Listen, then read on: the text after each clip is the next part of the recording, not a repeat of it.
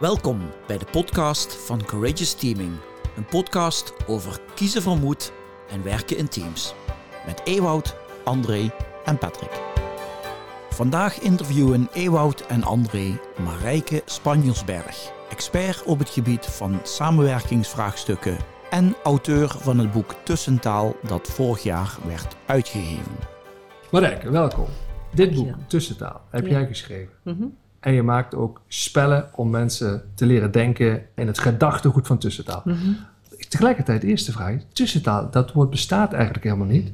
Dus Wat is tussentaal? ja, Eh, nou, eigenlijk is tussentaal iets wat je naast wat ik noem inmensentaal spreekt. Dus we hebben, als we met elkaar aan het werk zijn, maar ook thuis, hebben we heel veel inmensentaal. Ja. Dus hoe gaat het met je? Wat motiveert je? Wat belemmert je?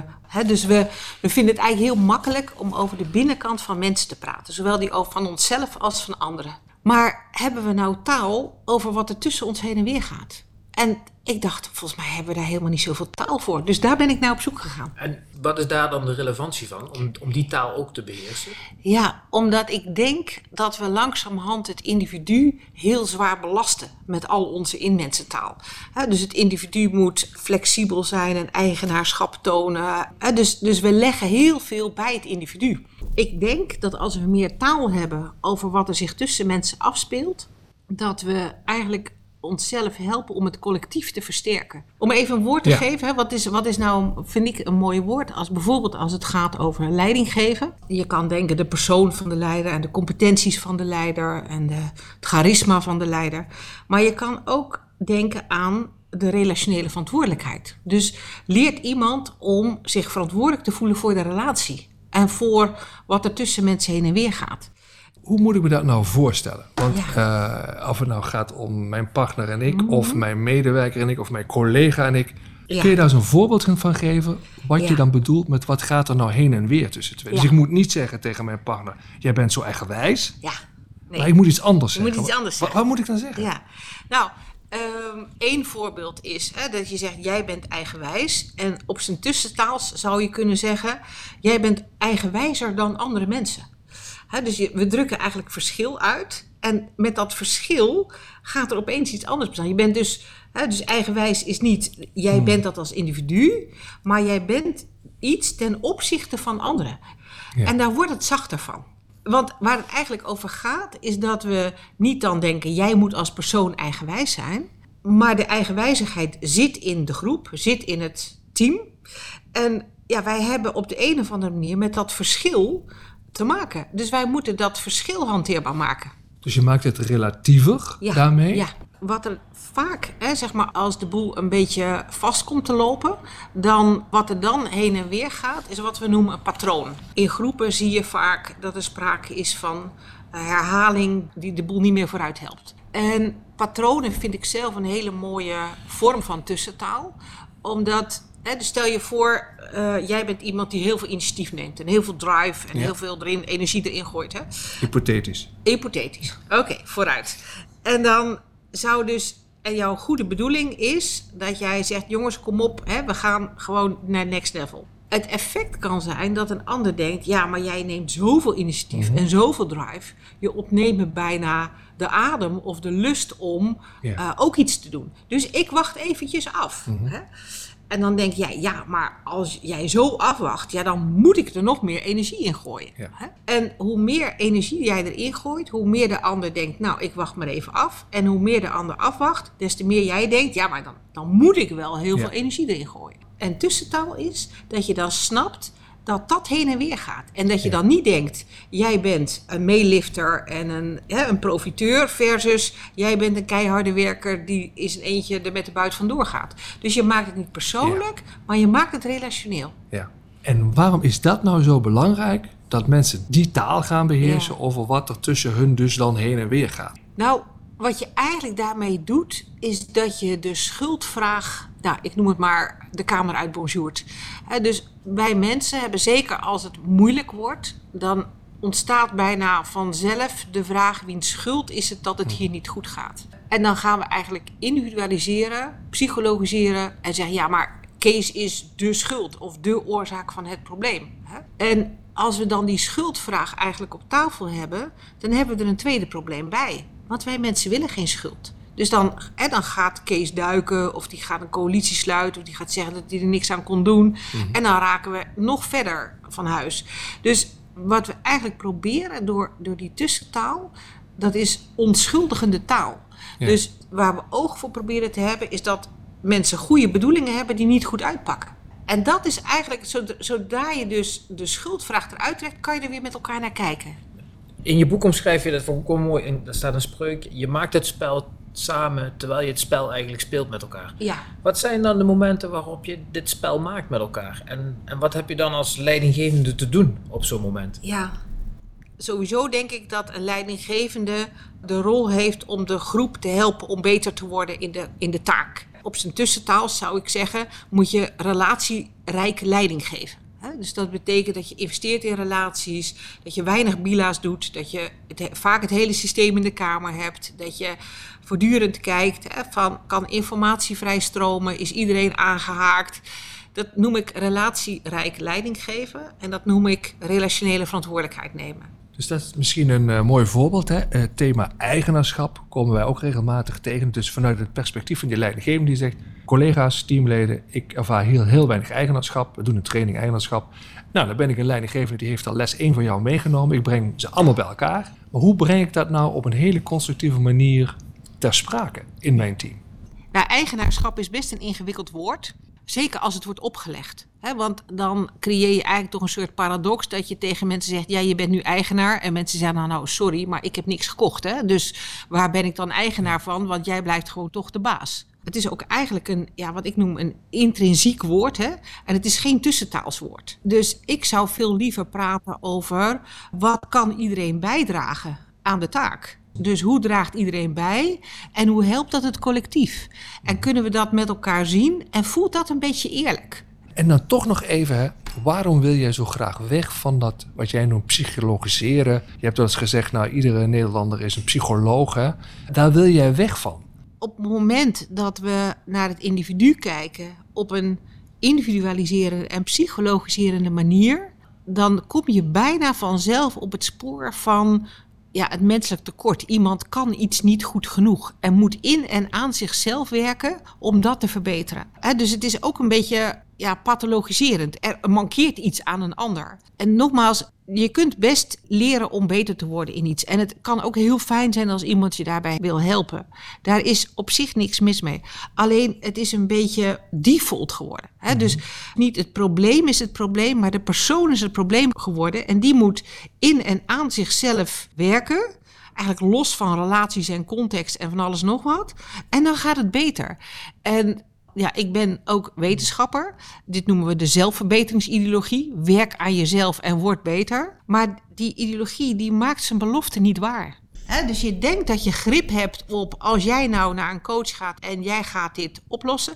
Terwijl we weten dat op het moment dat mensen zich gesteund voelen door collega's, zich gezien voelen door een leidinggevende, als er een hele open en effectieve feedbackcultuur is om met elkaar te leren, is vele malen effectiever dan wanneer iemand los van alles in een kamertje met een coach gaat zitten werken. Dus jij zegt eigenlijk, ik geloof niet in die maakbare wereld.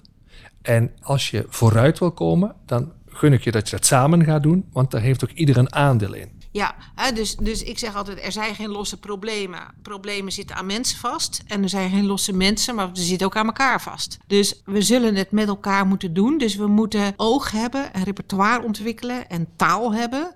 om te kijken naar, oké, is ons relatienetwerk stevig genoeg? Is er voldoende waardering, vertrouwen en respect? Kunnen we elkaar helpen? Kunnen we elkaar aanspreken? En dan wordt het beter. Maar het idee dat het dus aan individuele competenties ligt en dat je die kan verbeteren, dat is eigenlijk een valse belofte. In dit boek beschrijf je dat magneetpatronen feilloos falen voor de test van het tussentaals. Dus zeg maar, ik heb dat gelezen als het uitgangspunt. Allerlei gebeurtenissen die in het verleden jouw gedrag in het nu sturen. Kun je daar iets over vertellen? Waarom je daar zo fel tegen afzet? Ja, hè, dus dat is de redenering dat het verleden eh, de meest krachtige verklaring voor het gedrag in het heden is. Hè? Dus dat jij nu moeite hebt met jouw baas, dat heeft alles te maken met jouw vader en de relatie die jij vroeger met jouw vader had. Het is echt psychologie van de koude grond. Laat ik maar heel oneerbiedig te zeggen. Gedrag is vele malen complexer dan dat. Gedrag bestaat uit toeval, bestaat uit context, bestaat uit de taak die je hebt te doen, uit het relatienetwerk waar je je in begeeft. Natuurlijk breng je ook historie mee, maar gedrag is zoveel complexer dan zo'n enkelvoudige redenering, dat eigenlijk zeggen we op zijn tussentaals, hè, dat wat we feitelijk zien, is interessant genoeg. Dus je hoeft de diepte niet in over het verleden of over wat je allemaal ten diepste aan kwetsuren en scripts en alles met je meebrengt. De oppervlakte, dat wat we met z'n allen kunnen zien, is interessant genoeg. In de media, hè? Ajax ontslaat zijn trainer, want die hebben een x aantal wedstrijden verloren. Die zetten daar een nieuwe meneer neer en nu winnen ze drie, vier wedstrijden achter elkaar. Dus iedereen denkt, zie je wel, we hebben gewoon een poppetje vervangen en het werkt. Dus uh, dat was de oorzaak. Ja, en ik denk je hebt het relatienetwerk veranderd. Want waarschijnlijk hypothese zou kunnen zijn dat de relatie uh, is uitgewerkt. Of dat er hè, iets relationeels is ontstaan waardoor de trainer zijn boodschappen niet meer overkrijgt. Hè, dus dat gaat heen en weer tussen de voetballers en de trainer. Dus blijkbaar werkt dat niet meer. Als dan de meeste mensen met elkaar denken: oké, er komt een nieuw iemand en die geven het voordeel van de twijfel, hè, dan kan er weer een nieuwe soort wederkerigheid ontstaan. Ja, het is natuurlijk heel raar dat leidinggeven is een relationele activiteit. Hè? Maar een leidinggevende is bijna een soort losse entiteit geworden. Hè? Iemand die in zijn eentje het verschil moet maken. En wat we natuurlijk weten is dat goede leidinggevenden zijn vooral goede leidinggevenden omdat ze investeren in relaties met hun mensen. En ze kunnen ook alleen maar corrigeren als de relatie die hij of zij heeft met, met de mensen, als die goed is. dus we zeggen eigenlijk altijd, je hebt eerst de connectie en dan de correctie. Dus als er geen connectie meer is, dan kan je niet meer corrigeren. Dus een coach die disconnected is, die kan niet meer coachen. Marijke, heel Nederland krijgt op basisschool, middelbare school, ik weet het niet, hè, naast Nederlands, Engels, Duits, Frans, uh, welke talen ze ook krijgen, het tussentaals geleerd. Mijn kinderen die worden daar allemaal mee opgevoed, die krijgen gewoon iedere week twee uur tussentaals. Wat gaat er over tien jaar dan echt anders in, in de samenleving of in het samenwerken met elkaar? Nou, mijn hoop is, het is wel een prachtig beeld dat je schetst. mijn hoop is dat we het individu minder zwaar belasten en dat we veel meer gaan kijken naar wat is de kracht van het collectief. En wat is bijvoorbeeld, hè, kunnen we ruimte maken voor verschil?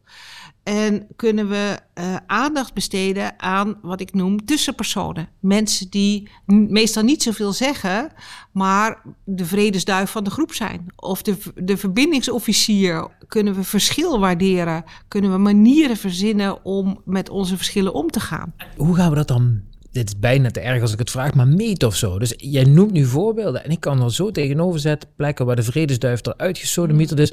Omdat als we onder naar de performance indicators of wat dan ook keken, zagen, ja nee, daar doet hij het niet goed op. Dus als we naar zijn commercie of naar zijn prestaties keken, nou deed hij niet mee.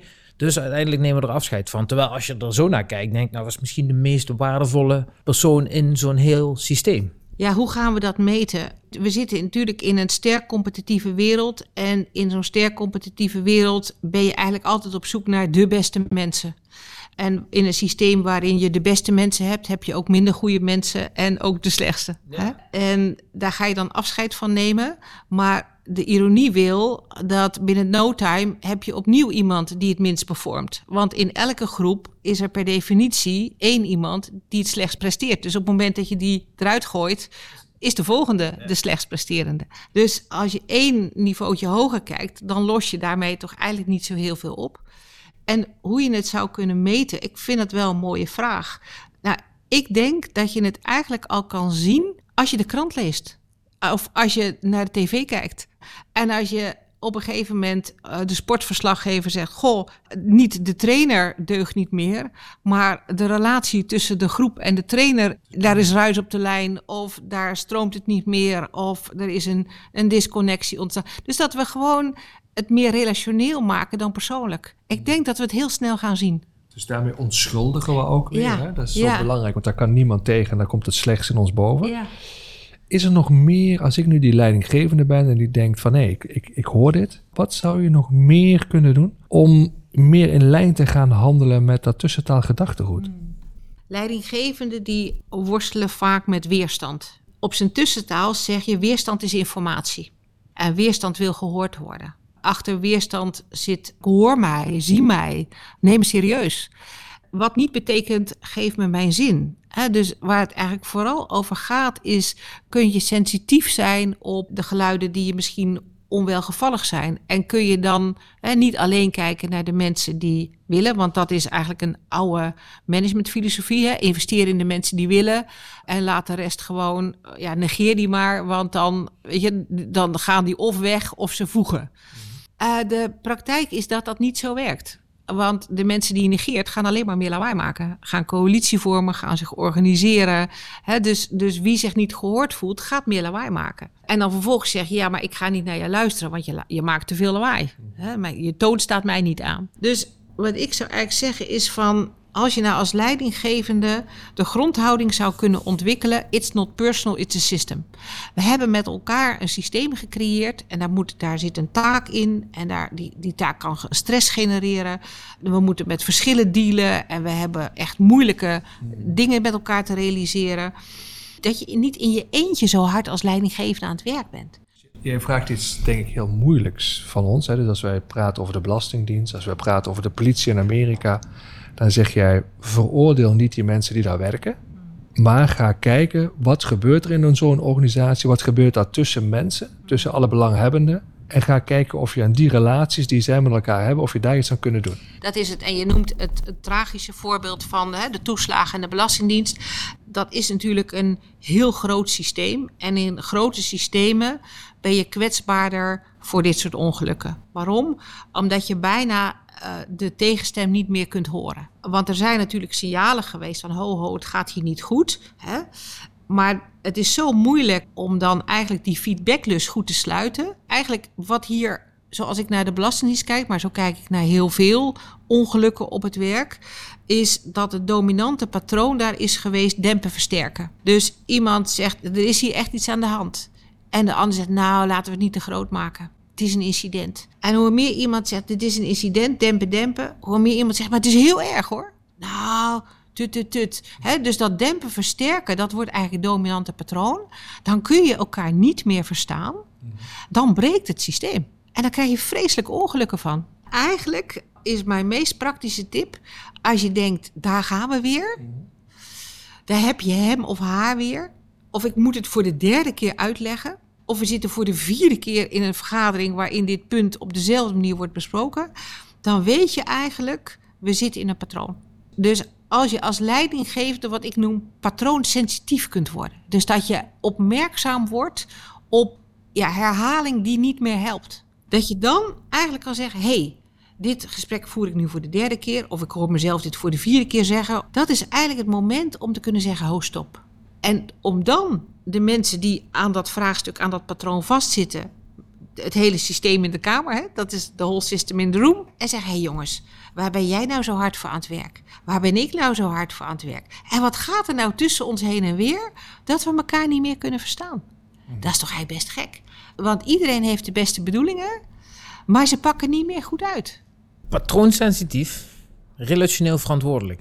Die twee heb ik tot nu toe uitgehaald. Is er nog iets waarvan je denkt, dat hoort wel echt bij tussentaals en dat is voor mij echt een, uh, een competentie of een vermogen wat ik wel mensen zou gunnen? Als we met elkaar aan het praten zijn en als we met elkaar aan het werk zijn, dan ontwikkelen we eigenlijk ook allemaal spelregels. En spelregels hebben een beetje een negatieve klank, hè, want dat is een regels. En regels zijn beperkende vrijheid en die zijn bureaucratische onzin dingen.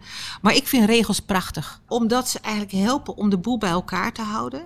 En ze helpen om het speelveld een beetje eerlijk te maken. En eerlijkheid is de basis om te kunnen samenwerken. En de tragiek is een beetje dat op leiderschapscursussen leer je vaak hè, missie, visie, strategie. Maar je leert eigenlijk geen spelregels maken. Je leert geen spelregels maken die werken voor het systeem als geheel. En ik zou eigenlijk leidinggevenden heel erg gunnen dat ze, als we merken dat het niet werkt, dat je eigenlijk kan zeggen: hé hey jongens, maar hoe doen we het hier nou eigenlijk met elkaar? Wat is nou onze spelregel? Probeer niet al te utopisch iets te bedenken wat voor eens en van altijd dit probleem oplost. Want dan produceren we eigenlijk een nieuw probleem. Maar dat we eigenlijk met elkaar een ondergrens definiëren. Waar moeten we het nou minimaal met elkaar over eens zijn? Of wat moeten we nou minimaal regelen? Dus bedenk met elkaar een ondergrens. Want vitale systemen hebben stevige ondergrenzen. Die zijn robuust, daar kan je een beetje op staan met elkaar. En vervolgens geven die ook wel weer ruimte voor verschil. Hè?